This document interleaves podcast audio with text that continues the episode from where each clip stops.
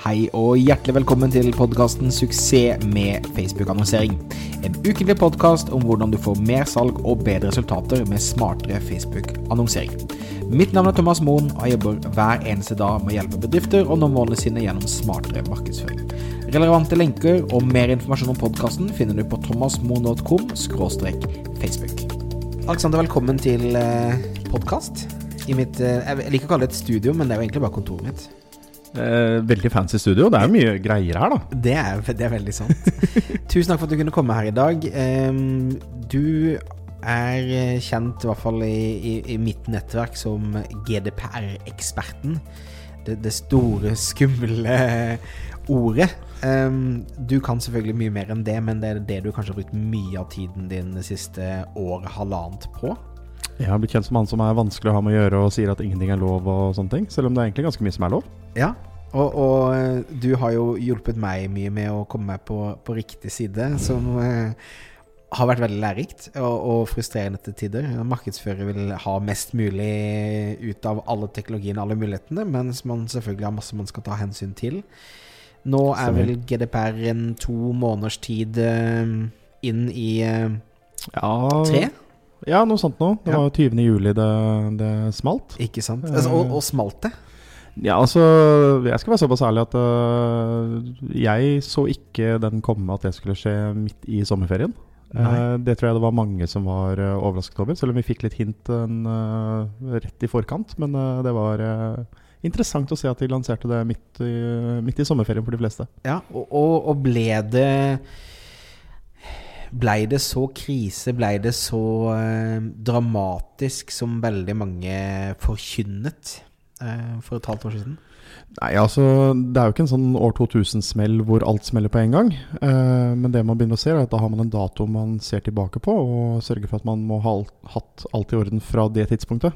Ikke sant? Eh, når det er sagt, så er det mye rom for å rette opp i de siste tingene nå. Det er, eh, men det begynner, å, det begynner å lukte litt svidd.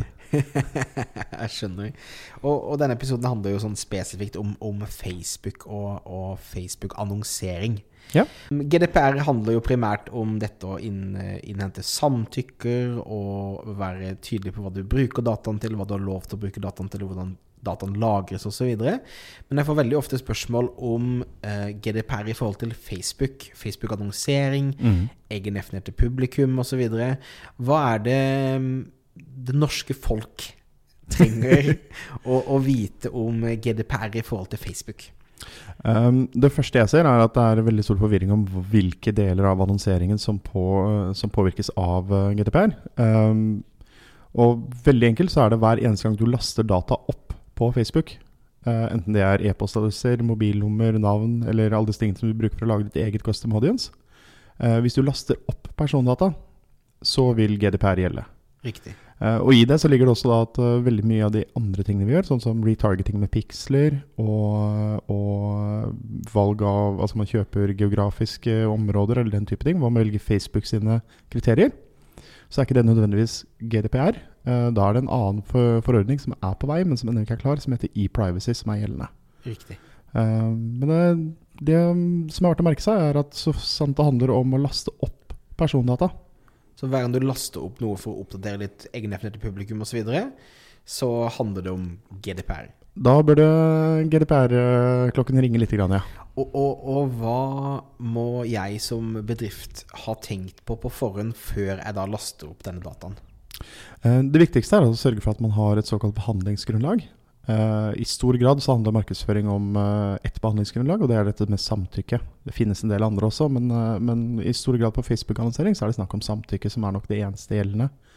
Um, og da må man sørge for at man har faktisk spurt om lov til å laste opp den dataen på Facebook og bruke det til annonsering. og det må du faktisk klare å dokumentere selv. så dersom du gir meg en annonse, og Facebook eh, de tyster jo på hva som er årsaken til at man ser ulike annonser. Ikke sant? Så kan jeg gå til deg så kan jeg spørre Hei, eh, jeg vil gjerne se at du har dokumentert samtykke fra meg til dette. Så da, da, la oss si på den landingssiden der jeg ga bort en gratis PDF, eller um, der jeg ga 10% rabatt i nettbutikken min mot at du ga igjen e-postadressen, så må du faktisk ha, ha, spurt om du kan få lov til å bruke den i forhold til Facebook-annonsering spesielt, eller kan man ha litt bredere terms der? Um, der er det litt, uh, litt av utfordringen med GDPR er at mye er opp til tolkning. Um, det finnes en veldig streng tolkning, og det finnes grader av litt mildere tolkning. Uh, den aller strengeste sier jo, uh, jeg har hørt, er at hver eneste nettside du skal dele data med, trenger du ha et samtykke for. Riktig. så hvis man da gjør displayannonsering eller den type ting, da, så vil jo det være ganske omfattende. En uh, litt mildere variant sier uh, f.eks. sosiale medier opp mot andre digitale annonser, at man deler de to. Mm. Uh, og så finnes det de som kjører uh, som velger å legge seg på en enda mildere, som sier at uh, det er greit å bruke min data til annonsering på nett. og da vil man på mange måter fange opp alt fra AdWords til Facebook i én. Riktig. Um, jeg pleier å anbefale at man legger seg på å dele de to. Uh, men jeg har ingen problemer med å se eller kunne argumentere for både to eller én for digital annonsering. Riktig. Her uh, kommer nok, uh, eller håper jeg i alle fall, snart at uh, Datatilsynet kommer med en ganske klar anbefaling på hva de mener. Riktig. Ja, for det, dette er jo såpass nytt foreløpig at det er jo ikke um, Reglene har vel ikke puttet til testen helt enda. Vi har vel ikke fått ut noen saker der det begynner å bli tydelig hvordan Datatilsynet tolker regelverket? Eh, så vidt jeg kjenner til, så har det ikke vært noen store saker ennå i Norge. Uh, det har vært noe som har begynt å romstere litt rundt i Tyskland. Som for meg virker litt forvirrende per dags dato. Uh, jeg følger det veldig tett, men jeg har ikke helt klart å finne ut de, hvor de egentlig ender der ennå. og så pågår det selvfølgelig en prosess hvor, hvor det europeiske Datatilsynet kjører et eget løp opp mot både Facebook og Google. Det hører man om sånn litt i kulissene. Ikke sant for de som er veldig inne i dette og syns dette er kjempespennende å følge med til daglig. På søndagskvelden med å lese litt GDPR-nyheter. Og et lite glass rødvin og GDPR, altså. og, og, min forståelse er at det å be om å kunne annonsere til noen, og det å be om å bruke dataen til å lage et speilpublikum, som man av og til gjør på Facebook, eller det som kalles lookalikes, det er to forskjellige ting, stemmer det? Det er to ulike formål, ja. Altså uh, enhver form for behandling av persondata, hver gang du gjør noe med persondata, så skal du ha et behandlingsgrunnlag for det. Uh, så det å lage lookalike-grupper er ikke det samme som å annonsere til en person. Hvis du tar min e-post og annonserer til meg, så er det én type handling. Hvis du bruker det for å annonsere til andre, så er det en annen type handling. Ikke sant. Så da, da må du ha en, en linje og en checkbox til for at du skal kunne bruke dataen i forhold til lookalikes. Det, det, er absolutt mulig å argumentere for, ja. Og jeg er, øh, skal man være veldig flink i klassen, så legger man seg på den linjen der. Ikke sant. Og det, det er i hvert fall meg personlig. Det er sånn jeg valgte å tolke det. Så jeg bruker ikke custom audiences med e-postadresse og telefonnummer og sånn lenger. Jeg bruker kun pixel-dataen. Og ja. som du sier, pixel-dataen er noe annet enn GDPR. Er det det som kalles e-privacy-reglene? Pixel-data kommer på inn med dette med e-privacy, ja. Og der kommer det mer informasjon senere. Der har det vært et par forslag ute. Mm. Uh, e-privacy, sånn veldig kort fortalt, det er uh, Det eksisterende loven er jo det vi kaller for bl.a. cookie-loven. Ja. Som tvinger oss til å ha sånne svære, stygge pop-ups som egentlig er helt Men meningsløse. Tvinger de dere til For det, det, er noe som er interessant. Jeg var inne på Datatilsynets nettside. De har jo bare en liten sånn kort tekst i bunnen. Mm. Du trenger vel ikke den forferdelige pop-upen egentlig? Eller? Nei, altså regelverket der er litt forvirrende. Mm -hmm. uh, men det, det, som det sier, er at du må ha en såkalt opt-out-mulighet. Ja. Uh, hvor du da får informasjon om hvordan du kan takke nei til å gjøre dette. I, det er da ulikt fra hvordan det er med bruk av data og innhenting av samtykker, som er en såkalt opt-in-modell, hvor du må si, gjøre en aktiv handling selv. Ja. Um, men uh, hele denne cookie-advarselen uh, cookie og cookie-loven og sånne ting er det som er i spill i den såkalte e-privacy-lovgivningen. Stemmer. Og Der har det vært mye, mye variasjon med ulike løsninger diskutert. Uh, om dette skal styres direkte i nettleseren, eller om det er opp til den enkelte side, eller hvordan man skal gjøre det. Um, men realiteten er at det er mye, mye skummelt som skjer med cookies og tracking pixler på internett. Uh, og der tror jeg det kommer til å være mye som skjer fremover det vil nok være sunt å få litt tydelig regelverk der også. Absolutt. Ja. Ok, så, så um, i forhold til Facebook-annonsering og GDPR så handler det primært om samtykke til å få lov til å bruke e-posten i forbindelse med annonsering? På det, Facebook, f.eks.? Det stemmer. Og så er det en egen samtykke for å, å bruke dataen til å lage andre målgrupper, speilpublikum, lookalikes osv. Slik jeg tolker det, så ville man hatt en egen en for uh, speilpublikummet. Ja. Eh, det som er også viktig å huske her, er eh, en ting som veldig mange glemmer, er at eh, man må passe på å oppdatere målgruppene sine jevnlig. Eh, min anbefaling er hver 30. dag, slik at man sletter gamle målgrupper. Fordi et samtykke kan man trekke tilbake. Og da begynner klokken å løpe fra hvor lenge du kan bruke dataen uten å, etter jeg har trukket tilbake mitt samtykke. Ikke sant. Så en god sånn eh, regel å merke seg er å oppdatere gruppene i alle fall hver 30. dag, om Ja. ikke oftere. Og der har jo også Facebook en fin funksjon der du kan f.eks. ta alle som Du kan hente ut en liste av alle som har eh, meldt seg av siste tiden, og så kan man laste den opp for å fjerne det på Facebook, vet jeg. Det er glimrende. Så det er ganske bra. Men, men igjen, jeg har kanskje ikke lov til å bruke data når de med meg må fjerne de, så kan jeg kan jeg da samle de i en liste, laste de opp på Facebook for å fjerne de? det, det er en veldig interessant, uh, interessant eh, vri der. Ja. Uh, teknisk sett så kan man vel si at du ikke har anledning til å gjøre det. Ja.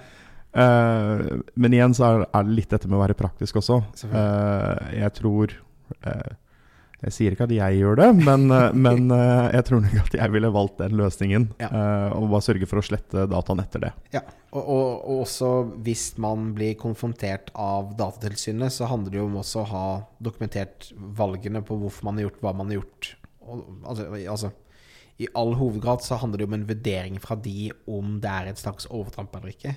Det stemmer. Og mye der handler om å, at man kan vise at man har tatt personvernet på alvor, Ja. Eh, og har de nødvendige rutinene. Eh, GDPR er 90 dokumentasjon. Ja. Eh, kanskje 5 eh, behandlingsgrunnlag og 5% totalt kaos. og sånn er det dessverre. Gjerne en søndagskveld med litt vin. Gjerne en søndagskveld.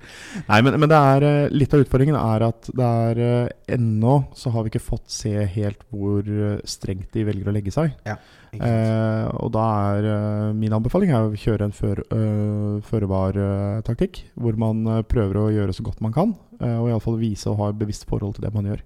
Ikke sant. Det synes jeg er et veldig godt, øh, godt råd. Og er det andre ting eh, som du mener er viktig for, eh, for små bedrifter å vite i forhold til, til dette og, og, og lovgivning og ting du ser skjer, som kunne vært fornuftig for folk å få vite? Nei, jeg tror det, det handler om å finne kanaler hvor man kan holde seg oppdatert på hva som skjer. Eh, ulike fagforum følger deg. Eh, du er et av mine kilder for ting som skjer på Facebook. Ja, hyggelig. Um, så jeg tror det handler om å være, holde seg oppdatert og, og faktisk spørre hverandre og være litt flinke til å dele informasjon. Uh, og altså, rett og slett hjelpe hverandre ut litt. Grann. Ikke sant? Uh, jeg deler gladelig når jeg kommer over noe nytt, uh, så sprer jeg det på overalt på jeg, hvor det sømmer seg for min del. Og hvor sømmer det seg Følger følge deg? Er det Twitter, eller hvor Tidvis på Twitter og berømmelig LinkedIn. da LinkedIn, ja. Så får man en god dose med masse retail-informasjon, for det er jo det jeg egentlig syns er veldig gøy. Ja. Og det, det er det er fascinerende Altså din kompetanse på, på retail og den delen, og så ble du på en måte bare sugd inn i dette GDPR-delen nå en periode bare fordi at eh, Norge var underernært med informasjon. Absolutt, og så er jeg litt sånn smånerd, så jeg satte jo Jeg satte meg ned, leste det og satte meg inn i det. Eh, Det har vært ganske mye jobb for å sette seg inn i det. Men jeg tror det er viktig at man har oversikt over det, spesielt i, etter hvert som man blir mer og mer digitale. De fleste som hører på denne podkasten er vel allerede på kjøret. Ikke sant? Eh, Men jeg tror det er viktig kunnskap å ha fremover. Jeg tror det er viktig at man har eh, ressurspersoner som kan dette. Jeg tror ikke nødvendigvis det er noe alle skal vie 4500 timer av livet sitt på. Eh, da er det faktisk, noen ganger er det enklere å bare spørre om hjelp. Ikke sant. Og da ja, Jeg anbefaler absolutt å, å, å søke opp Alexander Aas på, på LinkedIn, følge han der og, og følge med på hva du har å si fremover. Så takker jeg for, eh, for tiden din. Og, og som alltid, har dere noen spørsmål, send til thomas.thomasmoen.com, så kan jeg prøve å svare på de så godt jeg kan. Eh, husk at podkasten kommer ut hver eneste onsdag. At Av og til så krydrer vi det med sånne herlige personetter som Alexander med litt intervjuer og sånn. Og av og til er det meg som sitter og prater med meg sjøl. Men det er iallfall veldig hyggelig å få tilbakemeldinger. Podkasten finner du på Spotify og Apple Podkast. Og så ønsker jeg deg en helt nydelig dag videre. Ha det fint. Ha det bra.